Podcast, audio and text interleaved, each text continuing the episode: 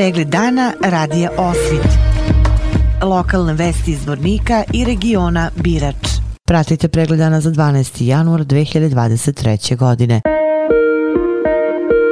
Tradicionalno vernici pravoslavna crkva organizuju liturgiju i narodna veselja u portama i dvorištima crkve za doček Srpske pravoslavne nove godine.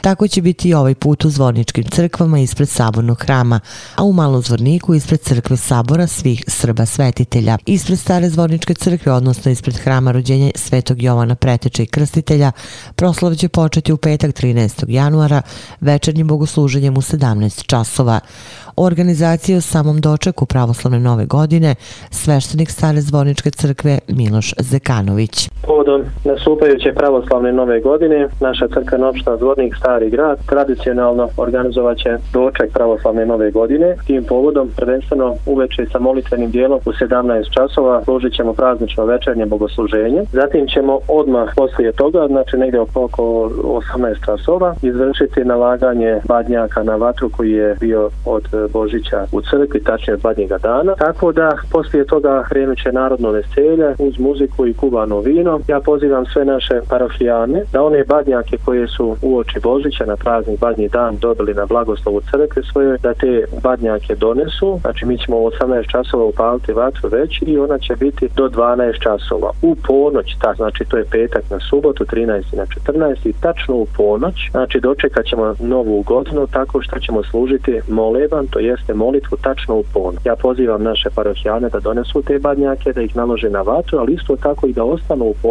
ili da dođu u ponoć na tu službu, kada ćemo gospodu zablagodariti na svemu što nam je dao u prethodnoj 2020. godini i molit ćemo gospoda nam svakoga dobra zdravlja, sreće, veselje i svakoga napretka podari i ovoj tekućoj 2023. god. Također sutradan u subotu i nedjelju bit će služene svete liturgije ujutro u 9 časova. Svim našim parahijanima želim da čestitam ove naše praznike uz tradicionalni naš božićni pozdrav Mir Boži, Hristos se rodi. U Milićima se pravoslavna nova godina obeležava prigodnim programom u subotu po njenom dočeku.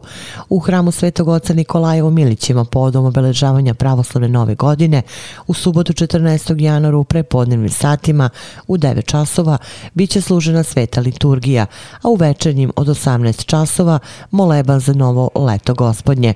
Nakon molebana na prostoru kod hrama Svetog oca Nikolaja bit će organizovana projekcija prigodnog igranog i crtenog filma, a nakon toga narodno veselje uz muziku i posluženje kuvanog vina.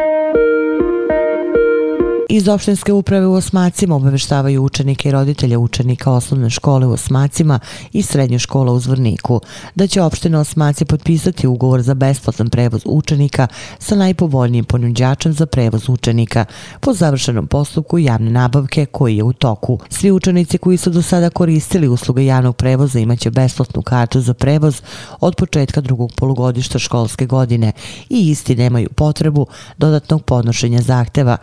Učenici učenici koji nisu koristili javni prevoz do sada, sada to žele, potrebno je da se najkasnije do 20. januara 2023. godine obrate zahtevom opštinskoj upravi Osmaci, a obraza zahteva mogu preuzeti u šalter sali opštine i u zahtev priložiti potvrdu o pohađanju škole. Besplatan prevoz imaće svi učenici od najbliže autobuske stanice u mestu prebivališta do autobuske stanice u Zvorniku, bez obzira da li pohađaju srednju školu u Karakaju ili u Zvorniku.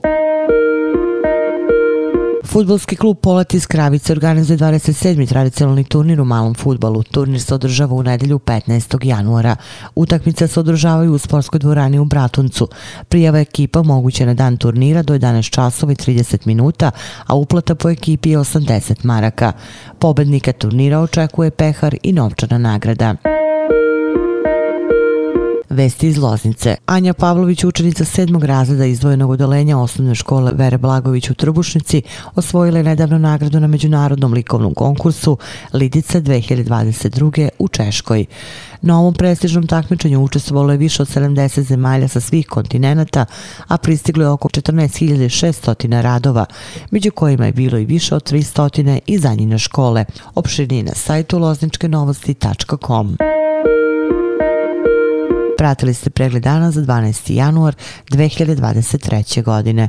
Hvala na pažnji. Pregled dana radija Osvit.